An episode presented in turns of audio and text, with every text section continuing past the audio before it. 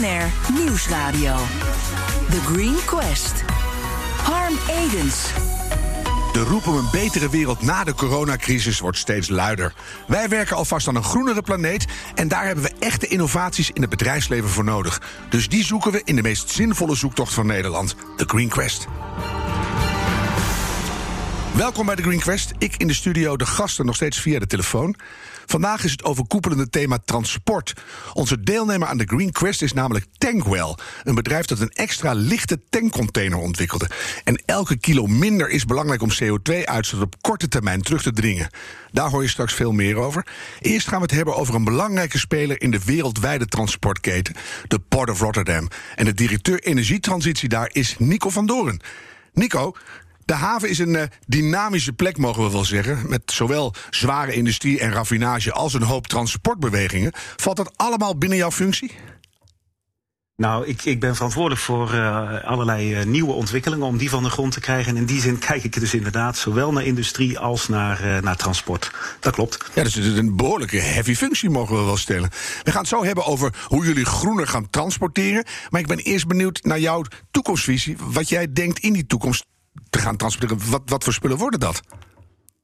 Ja, dan begin je eigenlijk bij vandaag. Hè. Als je vandaag kijkt wat er uh, vooral door de haven gaat, dan, dan zijn het heel veel energieproducten. Hè. Olie, uh, kolen, uh, allerlei olieproducten en heel veel containers met, met van alles en nog wat erin. Ja. Uh, als ik naar die containers kijk, die, die, zullen, die zullen echt wel blijven. Uh, er zal echt wel op andere plekken in de wereld zullen de lonen lager blijven of anders blijven dan hier. Dus je blijft goederen vandaag naar hier houden en van hier naar daar. Mm -hmm. En wat we ook wel eens zeggen, bananen groeien niet in Drenthe. Dus ook die, dat soort goederen zul je blijven transporteren. Er is iets als klimaatverandering gaande, dat weet je. Absoluut. Dus vandaar dat ik op die energiestromen heel veel verandering verwacht. Ik dacht meer die bananen in Drenthe, maar uh, ga door. ja. Nee, op die, uh, op die energiestromen uh, denk ik dat uh, kolen, uh, olie, dat daar hele grote veranderingen gaan ontstaan. En dat, dat die bijvoorbeeld veranderen gaan in, in het transporteren van waterstof over de wereld. En dekt elkaar het een beetje af dat het, het verlies aan bulk, olie en kolen, dat je dat kan opvangen met waterstof en andere nieuwe renewables en andere hippe dingen? Uh, niet helemaal. Uh, kijk maar naar een simpel voorbeeld als uh, we zijn wind op zee aan het ontwikkelen. Ja. Dus je krijgt aanlanding van, van stroom in Nederland, ook op de Maasvlakte in Rotterdam. Nou ja, als je uh, 700 megawatt wind op zee doet, dan sluit je ongeveer één kolencentrale. Heb je dus ook die kolen niet meer nodig. Mm -hmm. Die stroom die weegt niks, nee. maar die kolen wel. Dus je moet uh, in de toekomst een heel ander verdienmodel ook op die haven gaan plakken. Nou zei jij net van die containers blijven wel komen. Nou kan je aan deze crisis zien hoe vervlochten de wereldeconomie is. En de roep om kortere ketens wordt steeds luider. En dat leidt ook uh, automatisch tot meer lokale productie. Dat gaat weer effect hebben op de lange afstandtransporten. Hoe kijken jullie daarnaar en hoe gaan jullie mee veranderen, denk je? Ja, wij zijn eigenlijk uh, steeds, steeds actiever aan het worden. Uh, uh, ook, ook in die lokalere ketens. Hè. Dus als je praat over uh, bijvoorbeeld het, het, recyclen van, van plastic afval naar uh, grondstoffen voor de industrie. Dan zie je dat we op dat soort zaken, dat soort ontwikkelingen zelf proberen te investeren. Mm -hmm. Samen met een, een aantal andere uh, grote bedrijven. Om die activiteiten naar Rotterdam te halen, naar Nederland te halen. Ja, dus eigenlijk zijn jullie ook noodgedwongen wakker geschud. Wat mij een hele goede zaak lijkt eigenlijk. Ja, wakker geschud. Gelukkig waren we al wakker. We hebben een, een traditie van lang vooruitkijken en, en, en vroeg uh, actief worden. Dus, uh, maar dat doen we nu nog actiever. En als je dan kijkt naar je rol in die vergroening in de transporten, zie je dat dan voornamelijk toch binnen het havengebied of reikt jullie invloed en, en ook je ambitie eigenlijk veel verder? Uh, we, we, doen het op, uh, op allerlei niveaus. Uh, onze, we zijn de grootste haven van Europa, dus er wordt ook van ons verwacht dat we die rol spelen. Die pakken we ook. Ehm, dus we doen allerlei activiteiten in de haven. We doen allerlei activiteiten op de corridors naar Duitsland toe. En we zijn ook actief uh, als het gaat over de, de grote zeevaart. Dus we pakken hem uh, breed op, die rol. Ja, ik, ik, was er ooit bij, geloof ik in 2017 alweer, of nog eerder. Toen 264 bedrijven uit de haven van Rotterdam een convenant ondertekenden. En daarbij verklaarden dat ze in 2050 de haven energie-neutraal wilden hebben. En dat was toch redelijk ambitieus. Zijn jullie nog steeds een beetje op het goede spoor?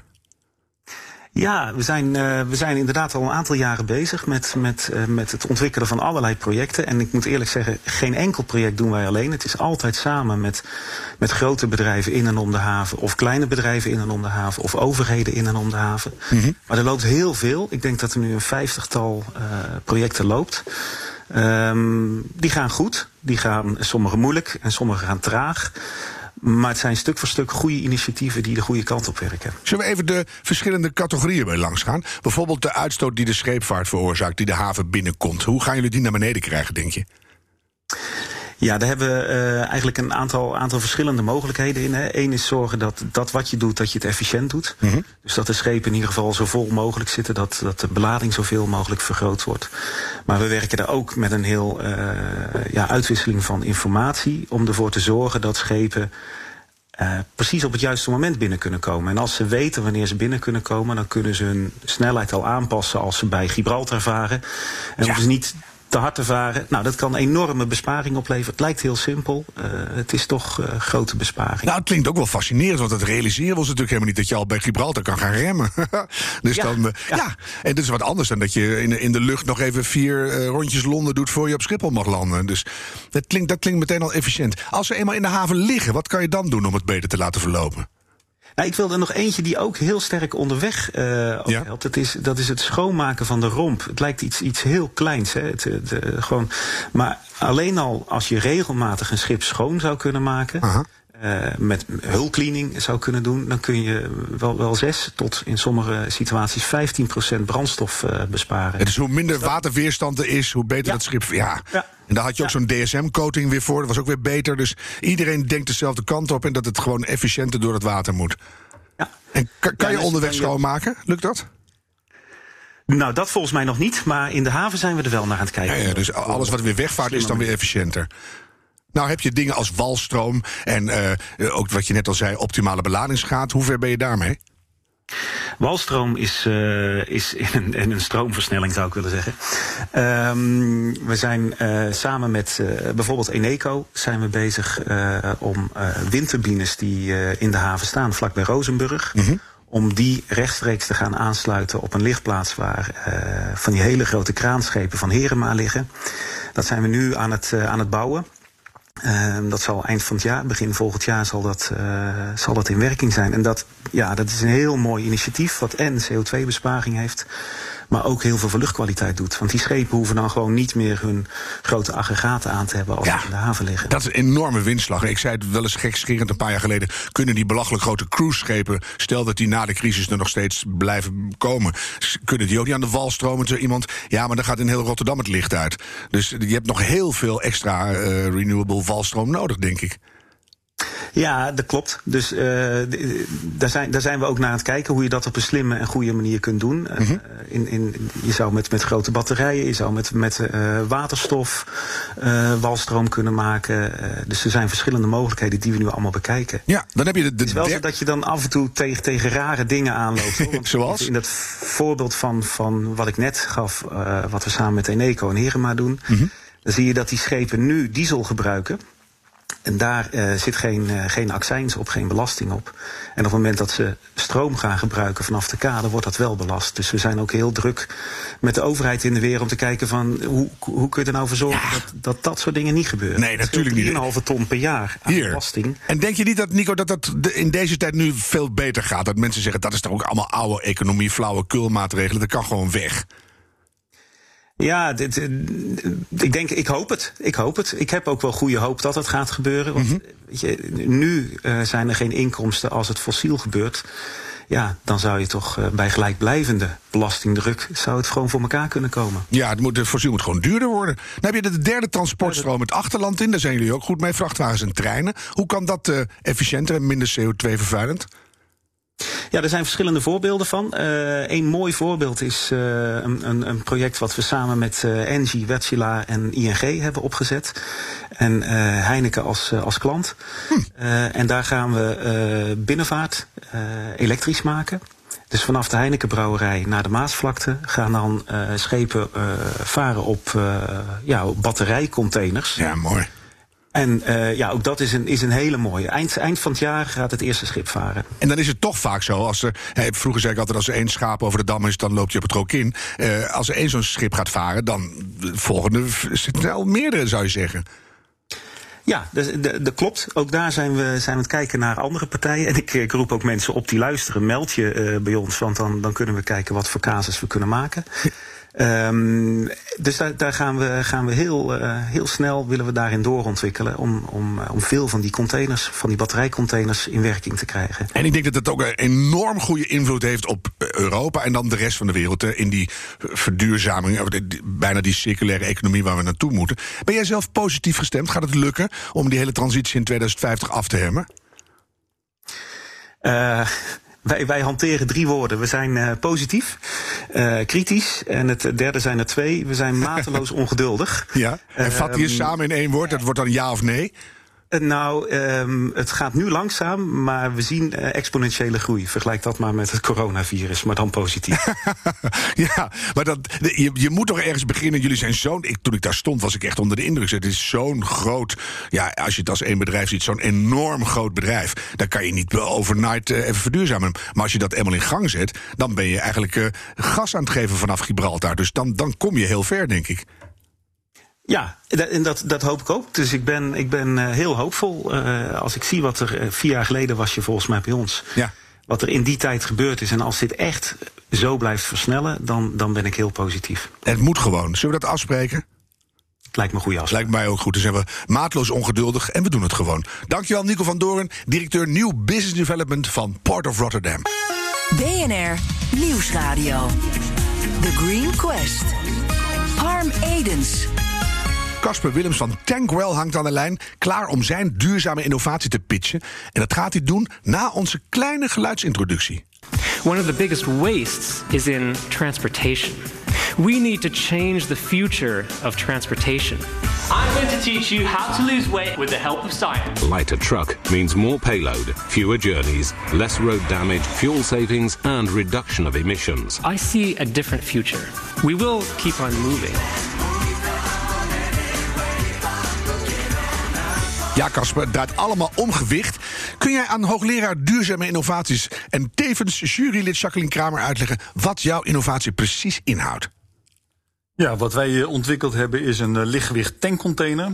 Tankcontainers, dat zijn uh, eigenlijk tanks in een containerframe waarmee bulktransport uh, van vloeistoffen kan plaatsvinden.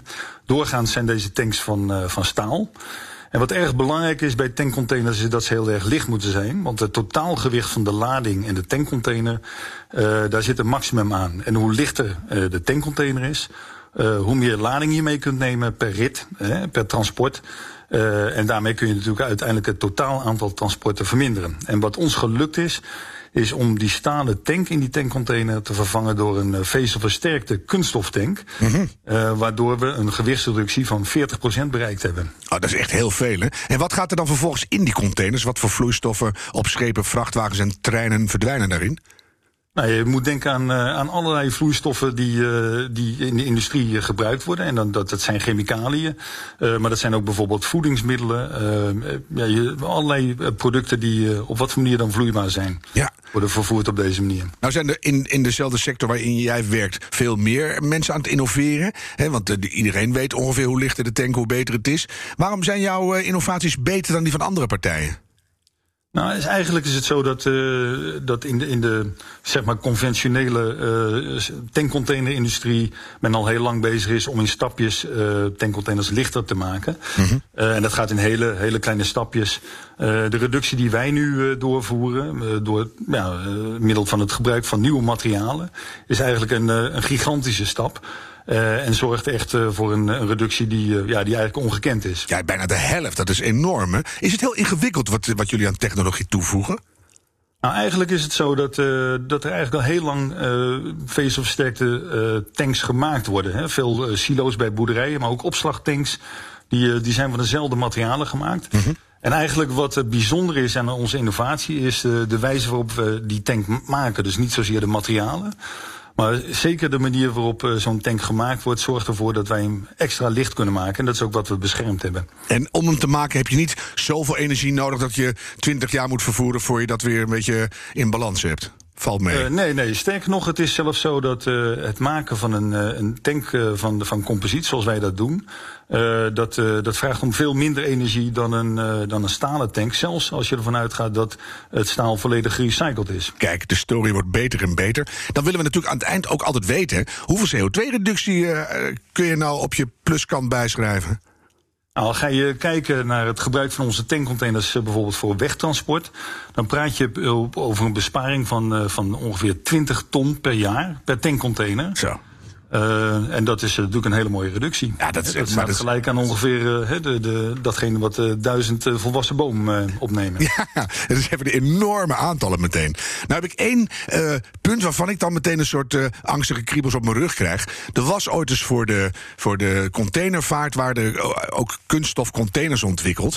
Maar die werden bij de grote vervoerders zoals Maersk niet ingevoerd. Omdat die hun containerslagers niet wilden ontslaan. Dat zijn die mannen die met grote hamers die oude ouderwetse ijzeren containers uitdeuken. Hoe groot is de kans dat jullie product door de markt wordt opgenomen, denk je? Nou, kijk, we zijn al uh, een aantal jaren bezig. Vijf jaar geleden zijn de eerste tankcontainers in gebruik genomen. Inmiddels uh, zijn er zo'n 500 uh, in gebruik. Mm -hmm. En we zien natuurlijk ook de ervaringen die ermee opgedaan worden. Die zien, en ja, wat we eigenlijk merken is dat ze gewoon in de praktijk prima functioneren. Ja. Uh, en vanaf het begin af aan hebben we ook samengewerkt met, uh, met partijen in de markt die heel bekend zijn in die tankcontainerwereld. En dus ook het gebruik heel goed kennen. En die ook zelf graag willen veranderen, want dat is natuurlijk wel essentieel. Nou, dat is heel erg belangrijk voor ons. Wij zoeken natuurlijk echt uh, klanten en, en klanten van klanten die bereid zijn om natuurlijk het voordeel in die logistieke keten te behalen. Want dat is heel erg belangrijk voor wat wij doen. Je moet echt het voordeel, hè, je moet je logistieke keten anders gaan uh, gaan inrichten om, uh, om het voordeel te benutten. Ja, en als je dan toch die, die smerige chemicaliën wil vervoeren, die we allemaal nog steeds nodig hebben, dan is het wel fijn als je dat dan in ieder geval op een super mooie, natuurvriendelijke manier doet. Dus uh, dat, ja, dat heb je tenminste iets leuks om over te praten. Jacqueline, jij hebt vast een paar kritische punten. Ja, in de eerste plaats een mooie innovatie. Uh, en het lijkt allemaal zo simpel, maar er zit natuurlijk heel veel werk in om dat goed te doen. Ja. Dat in de eerste plaats.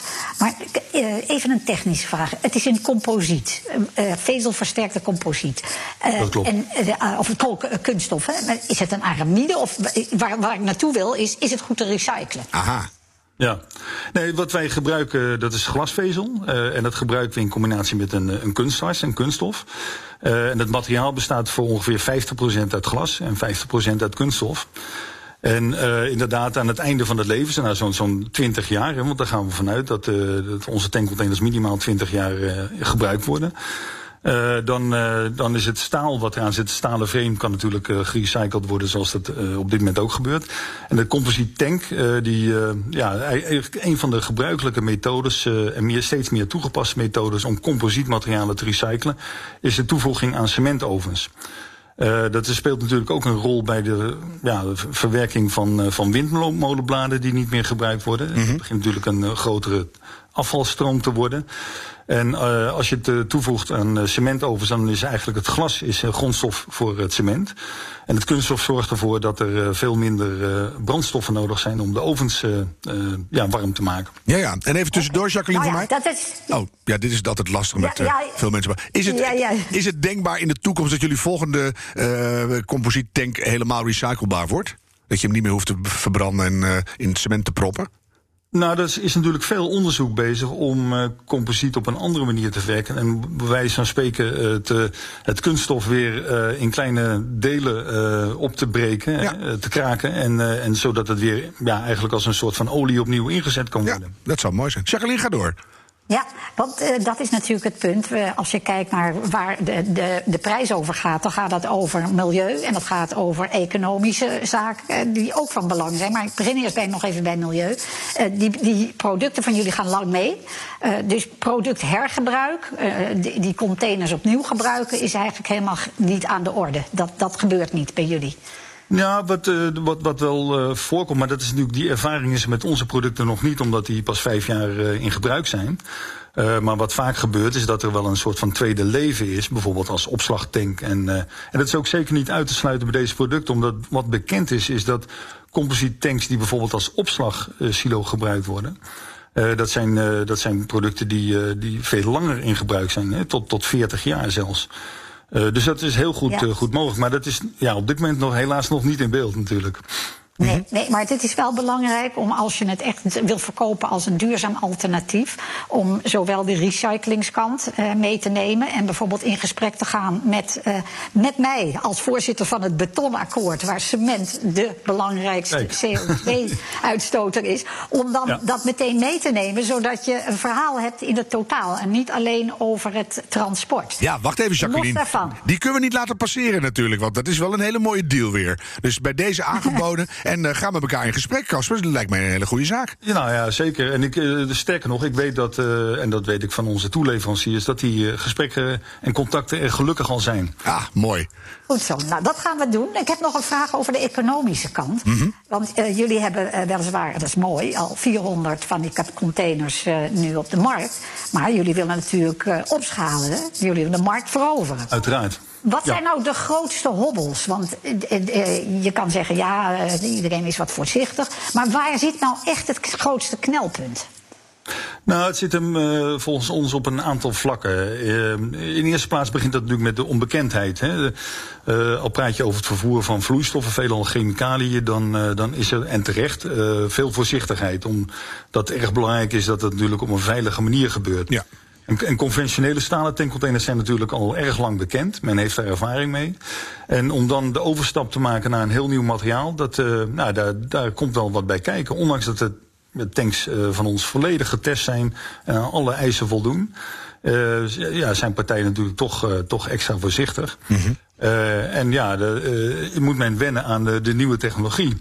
En eh, een ander punt is Ja, en hoe pak je dat heeft- nou aan? Wat, want, want, want als je dat nou zo zegt, dan denk ik van, wat is jullie strategie? Want jullie willen uit, uit die, eh, wat we dan noemen niche komen. Hè? Je, wil, je wil een marktspeler worden die echt eh, grootschalig op de markt een product kwijt kan. Ja, Casper, hoe pak je het aan? Waar, Ja, nou, dat, dat klopt. dat wat, nou natuurlijk, eh, wat natuurlijk heel erg eh, belangrijk is, is om eh, gewoon de eerste trajecten in gang te zetten. eh, waarin bewezen wordt dat het allemaal goed functioneert. Ja. En daar zijn we natuurlijk vijf jaar geleden mee begonnen. Door met eh, ja, een, een, een aantal eh, hele bekende grote vloeistoftransporteurs.